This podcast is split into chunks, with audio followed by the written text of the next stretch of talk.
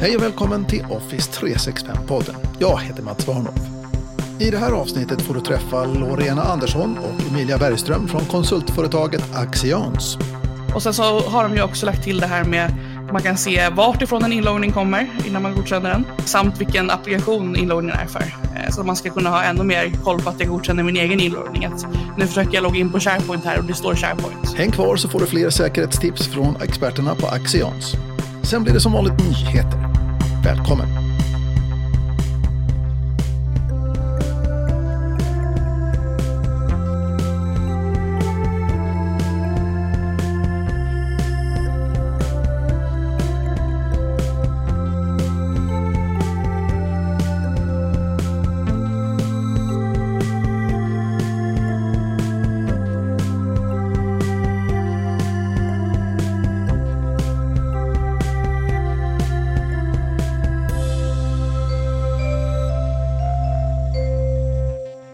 På Axion så arbetar Lorena Andersson och Emilia Bergström med deras satsning på Microsoft 365. Jag fick med en pratstund med dem och jag började med att fråga Lorena vilken roll hon tycker att villkorsstyrd åtkomst spelar i dagens IT-säkerhet. Nej, men det är jätteviktigt såklart. Vi har ju lite annat eh, hotläge idag i världen eh, 2022 och då man har ju möjlighet att rikta det här geografiskt och eh, över, över kontoren och lite annat sådär. Eh, men vi ser ju också att även om man blockerar inloggning eh, så kan man ju använda sig av VPN eller servrar i andra länder för att komma in. Så egentligen tycker vi väl att det är mest effektivt att få igång eh, MFA på sina användare istället. Och styra det. Multifaktorautentisering, absolut. Vi ska backa två sekunder bara, därför att du säger så att man kan rikta det geografiskt. Vad menar du när du säger det? Ja, att du kan ju låsa ute folk från andra delar av världen eh, som du inte vill ha in då. Eh, och har du inte ett kontor kanske i Ryssland så behöver du inte släppa in inloggningar därifrån. Det låter som en ganska vettig sak. Att, eh, som sagt, det finns delar av världen där man inte har någon kontakt med. Det finns inga kunder där, det finns inga leverantörer där och så vidare. Då. Eh, och det bygger ju på att IP-adresser, åtminstone IPv4-adresser, går i någon mån att filtrera. Det går att härleda var någonstans i världen man är baserat på en IPv4-adress. Men man har inte riktigt samma möjligheter med IPv6-adresser vill jag minnas. Än så länge så kan Microsoft inte filtrera geografiskt baserat på IPv6-adresser. Så kommer man med en IPv6-adress så kommer man alltid från en okänd plats. Det här är ju ett arbete som Microsoft har och, ihop med många andra leverantörer att just försöka och få ordning och bringa ordning på IPv6-problematiken så att säga. Men just nu så är det IPv4, eh, IPv4 som man kan göra den här filtreringen på.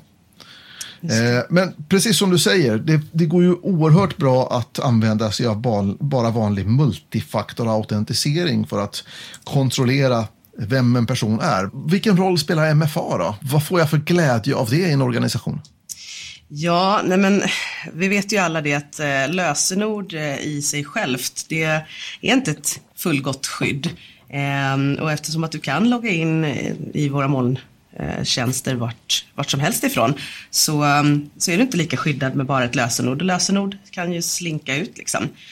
Ehm, och vi ser ju ofta det när vi börjar kolla så ser vi att ehm, man kanske inte riktigt eh, skyddar sina lösenord som man bör. Eh, och då vill vi ju hjälpa till med det. Så se till så att man följer det. Man brukar säga att de två klassiska svagheterna med lösenord är att vi är för dåliga på att välja våra lösenord. Och den andra svagheten är att vi återanvänder samma lösenord på flera ställen. Jag läste någon spännande siffra om det, eh, att det är något sådär 70 procent av lösenorden som finns ute på internet är återanvända. Eh, det är inte en jättebra siffra. Det är inte en hoppfull siffra på något sätt. Nej, 73 procent till och med är duplicerade. Och dessutom Där. är det så att 81 procent av alla eh, breaches är på grund av eh, att man har eh, blivit av med sina creden- credentials. Vi hade ju en kund right. för ett litet tag sedan eh, som eh, de hade ju satt upp MFA men grundregeln där då, som de kanske hade brutit var att de inte hade satt MFA på alla sina användare utan bara för vissa. Och då var det så oturligt att det var någon som hade fått då ett sånt där phishing-mail och klicka på en länk och skrev in sina inloggningsuppgifter som man ju aldrig ska göra.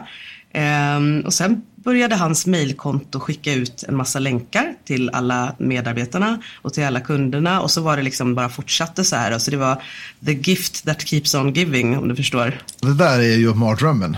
Eh, att man larvar. Det, det när man håller kurs eh, inom säkerhet så brukar man eh, nämna någonting som man kallar för the defenders dilemma. Och the defenders dilemma betyder helt enkelt att det räcker med att vi, går, att vi gör ett misstag i våran setup. Vi måste lyckas varje gång. För hacken räcker det att han lyckas en gång. Ja, nej, men säkerhet är svårt och man behöver ju tänka på det hela tiden. Jag har faktiskt tagit med mig en kollega som kan det här ännu bättre än vad jag kan. Eh, som heter Emilia. Hej Emilia! Hur länge har du jobbat med eh, Microsoft 365? Det har väl varit ända sedan jag började min IT-karriär, så det är några år nu. nu är min eh, hyfsat unga ålder ändå så var ju 365 aktuellt redan, redan när jag började jobba med IT. Eh, så det är ju där jag började och fortfarande är.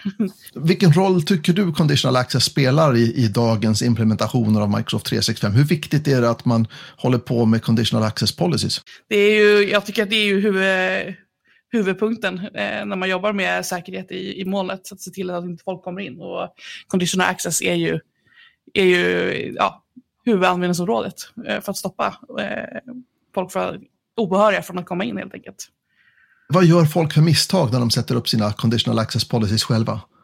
Ja, jag tycker att den vanligaste grejen är ju lite det som Lorena är inne på där innan. Det här med att man inte får med alla användare.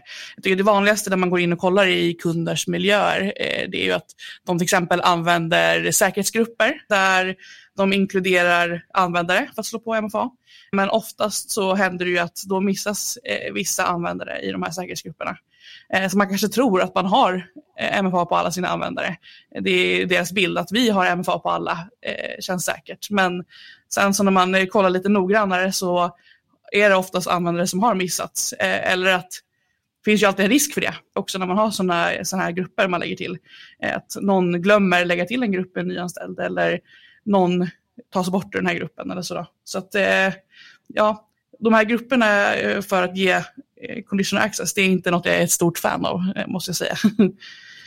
Om man istället väljer att ha alla inkluderade i sina policies så kommer du aldrig kunna göra ett misstag. Eh, att, du in, att du missar att lägga till användare här. Det kommer inte bli mörkertal av användare som inte har conditional access igång. Eh, och det är ju svårt att ha koll på alla sina användare om det några tusen stycken eller så.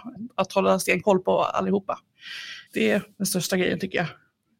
Jag vet ju, det finns ju en rekommendation från Microsoft att man ska göra undantag från conditional access policies. Att man har, ska ha två stycken sådana här break the glass accounts.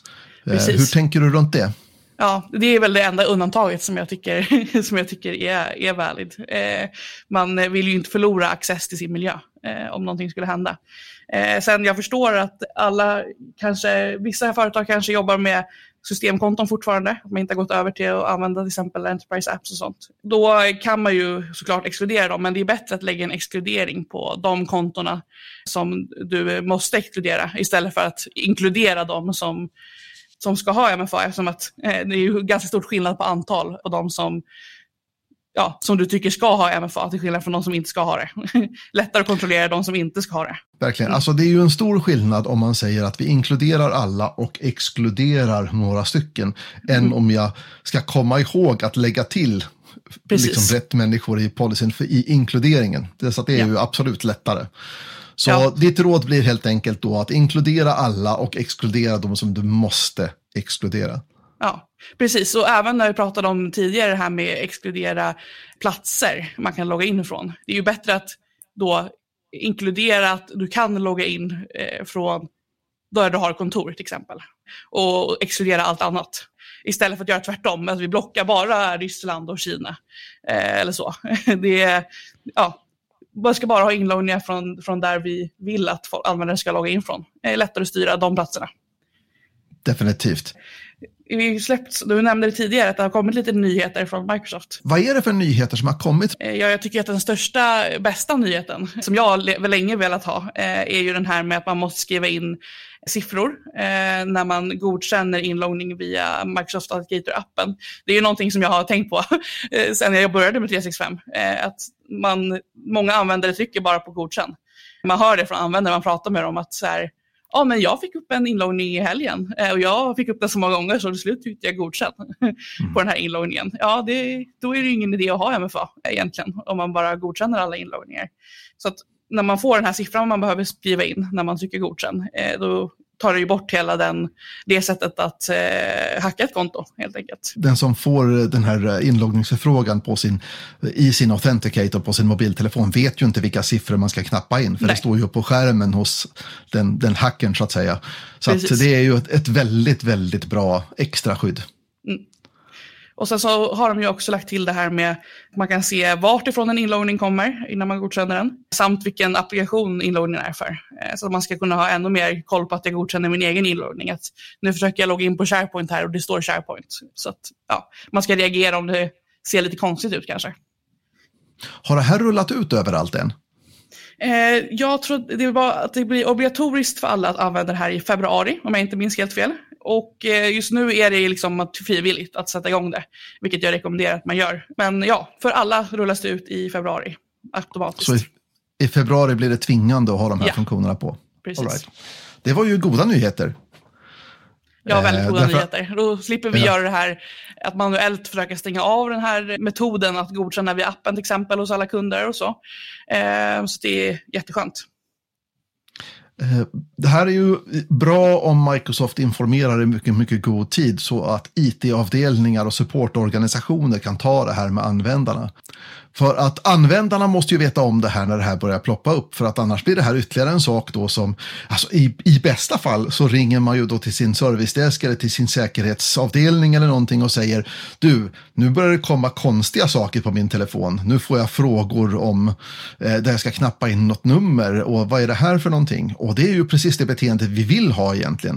Det vill säga när någonting inte ser ut som vanligt, när någonting verkar vara lite konstigt, ja, då vill man ju att de ska kontakta support eller servicedesk eller vad det nu är och fråga vad är det här för någonting. Så därför blir det ju extra viktigt att man kommer ut med informationen i förväg.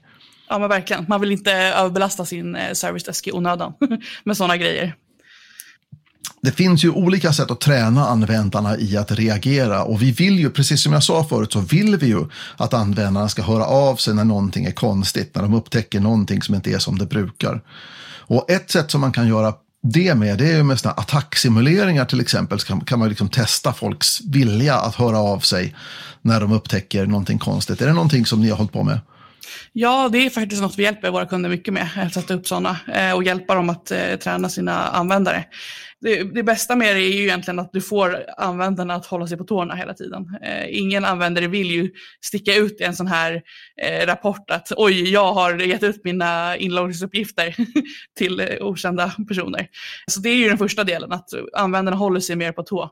Eh, sen så blir det ju utbildning eh, i och med att man utbildar ja, efter en sån här eh, attacksimulation så brukar vi skicka ut liksom, utbildningsmaterial, vad ska man tänka på? Eh, de som har, tryck, eh, har klickat på det här kanske får en eh, extra utbildning med vad, vad, exakt man ska kolla på i mail för att eh, undvika sånt här jag brukar alltid påpeka för it-avdelningar och så vidare som jag pratar med och säkerhetsavdelningar att det är oerhört viktigt att man inte ska, skambelägger de här människorna som hör av sig och som råkar göra fel och sådär. Framförallt så är det oerhört viktigt att när de när de hör av sig med någonting som verkar konstigt, de kanske drabbas av en sån här utmattningsattack via MFA eller någonting, att, att de hör av sig med sin, sin oro till någon Eh, och även om det är så här att det här är en användare som inte fattar någonting, det ska vara så här, det här är helt normalt och så vidare. Så att det är viktigt att man liksom verkligen belönar dem för att de hör av sig, därför att det är ju den reaktionen man vill ha. Man vill att de ska rapportera in eh, saker och ting som verkar konstigt och som sticker ut och så vidare. Då. Så att även när de själva har gjort bort sig, även om de nu har, har liksom, ja, de har gått på en phishing-attack, de har angett sitt användarnamn och lösenord, så måste de känna att det är helt riskfritt att höra av sig till support och säga Oh, vet ni vad, jag har gjort en jättedum sak och då ska supportens enda respons vara Gud vad bra att du hör av dig. Tack så jättemycket. Du har gjort helt rätt när du har hört av dig. Det, är liksom, det måste verkligen kännas helt riskfritt att höra av sig. Ingen skam, ingen topplista över dumma användare och sånt där. Man kan galva åt dem på kafferasten IT, det, det är okej. Okay. Men eh, liksom att man verkligen eh, vad kan man säga, bygger upp det här förtroendet att det är rätt sak att höra av sig när någonting verkar lite konstigt. Jo, men precis. Det, är, det här med positiv förstärkning är väldigt, väldigt viktigt för användarna. Det är någonting vi brukar fokusera på eh, när vi ska utföra sådana här attacksimulationer, att servicedesken ska vara väldigt uppmuntrande och berömmande. Sen så, även när man till exempel då rapporterar ett mejl, eh, när man gör sådana här eh, phishing-attacker, eh, eller attacksimulationer då, vi gör inga phishing-attacker, eh, är ju att det här mejlet man får tillbaka då, när man trycker rapportera mejl, ska ju vara väldigt så här, hurra du är den bästa i världen som har rapporterat det här mejlet. När man rapporterar mejl i daglig basis, eh, när användarna får ett phishing-mejl rapporterar, så tror jag att de ofta upplever att det händer ju ingenting egentligen. Det är bara, bara rapportera mejl, det är onödigt att jag gör det här. Medans, men Defender har ju en funktion eh, där du kan gå in och när en användare rapporterar ett mejl kan du trycka liksom, ja, ah, det här var ett phishing-mejl och, och så får användarna ett mejl tillbaks då. Eh, där det var så här, åh, oh, du rapporterade ett phishing-mejl som vi har lyckats stoppa nu. Man kan, man kan specialdesigna de här också. Eh, duktigt gjort, eh, så att de får det liksom varje gång. Så man får in de här. Eh, då får vi också möjligheten att jobba med de här rapporterade mejlen i Defender. Det är ju, ja, kom in på ett litet annat område, men det är ju någonting den jag tycker är den bästa funktionen eh, med Defender. Att man kan, eh, ja, Defender för Office 365 kanske jag ska nämna att det är. Man kan då på de här mejlen som användarna rapporterar eh, kolla aha, det här har varit phishing-mail som har slinkit förbi eh, vårt spamfilter. Nu raderar jag det för hela organisationen innan någon trycker på det fort. Och sånt där. Man kan informera användare och så. Annars hade vi inte upptäckt med de här lika fort när det händer. Sådana här phishing-mail som slinker förbi spamfilter. Så det tycker jag är ju bästa funktionen med det här med att rapportera mejl det är en superfunktion, det är en superkraft som Defender för Office 365 har, verkligen. Visst finns det lite grann också som man kan tänka på om man har en servicedesk eller om man har någon eh, funktion då som ska ta emot de här användarna. Eh, man kan ju utbilda även dem i, i phishing-mail, vilket jag tror är bra. Så så det är viktigt att själva servicedesken också har koll på hur varor ska identifiera på ett phishing-mail. Inte bara att man tänker att servicedesken har full koll på exakt hur man identifierar ett, eh, ett skadligt mejl, eh, när en användare ringer in. Att man måste ju tänka på att de behöver utbildning för att ta reda på det här och så att det inte händer något att till exempel jag har varit med om att, att en användare ringer in och frågar om det här, eh, ja, säger att de vill, eh, behöver ett adminlösenord för att öppna den här filen som jag fick i mejlet och servicedesken bara skriver in det, till exempel. att man måste ju se till att man har koll, annars blir det ju en, en, en stor risk. Verkligen. Men det blir ju liksom som en kedja av fel där egentligen. Eh, för att då är det ju då är det ju som att användaren lurar med sig servicedesken och det ska gå fort och man kanske har, eh, du ska hinna med så här många samtal per dag och så ringer någon och så vet man ju då att de kanske inte är local admin eh, på sina egna datorer. Eh, jättetråkigt om, eh, om man är med en sån sak. Jag håller med. Det bästa är att ge tips på vad man kan kolla på på de här mejlen. Vad är för faktorer som du kan identifiera. Sen så måste man hitta det som funkar bäst för en själv. Du hörde Lorena Andersson och Emilia Bergström från konsultföretaget Axians.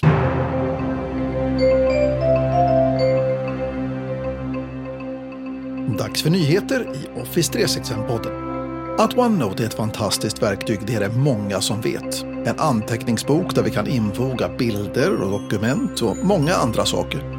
OneNote är ett otroligt bra sätt att hålla sig organiserad. Men vad du kanske inte har tänkt på är att man kan använda OneNote för att föra mötesanteckningar. Och nu i januari blir det här ett enkelt val eftersom samtliga möten då automatiskt får en kollaborativ OneNote-sida där vi kan förbereda agendan före mötet och fylla på med anteckningar och annat som vi vill bevara från mötet. Om din organisation inte använder OneNote idag så är det dags att nu börja bygga uppmärksamhet och kunnande runt hur OneNote fungerar och används. Du har säkert hört mig prata om Viva Goals i tidigare avsnitt av den här podden. Nu kommer en praktisk funktion kopplat till det här och det är en integration mellan Viva Goals och Planner. Vi kan alltså se och rapportera mot våra mål i Viva Goals direkt ifrån Planner och det här kommer i januari. Ibland behöver kunder, leverantörer eller andra externa skicka dokument till oss. Idag löser vi det ofta genom att de bifogar dokumentet i ett mejl. Och det är enkelt men inte alltid så praktiskt egentligen. Ibland skulle åtminstone jag vilja att man kunde ladda upp ett dokument till mig någonstans istället för att mejla det. Microsoft 365 har något som heter extern filförfrågan och det här finns redan i OneDrive men kräver lite handpåläggning av en administratör för att få det att fungera. Med den på plats så kan du skicka en filförfrågan till någon där du ber dem ladda upp ett dokument till din OneDrive, det vill säga din personliga fillagring. Nu i januari kommer vi att kunna skapa en extern filförfrågan till ett gemensamt dokumentlagring i SharePoint. Precis som i OneDrive så kan den som skickar filen inte se någonting av vad som redan finns där. Alla som får den här länken för filbegäran kan skicka en fil till dig. De behöver inte ha Microsoft 365. Alla filer som skickas till dig sparas i en enda mapp som du väljer ut. Varje fil har ett prefix som hjälper dig att identifiera vem som har laddat upp den. Om två filer med samma namn laddas upp så lägger OneDrive automatiskt till ett ordningsnummer till den andra filen. Och personer som svarar på din förfrågan de kan bara ladda upp filer. De kan inte ens se vad som redan finns på platsen. Det här är tillgängligt nu i januari. Vi kommunicerar på många olika sätt och ibland kan det vara svårt att ha koll på om jag fick information i ett mejl eller var det i en Teams-konversation eller... Men snart slipper du söka på två ställen.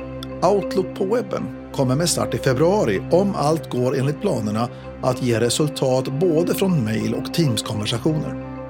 Och det var nyheterna.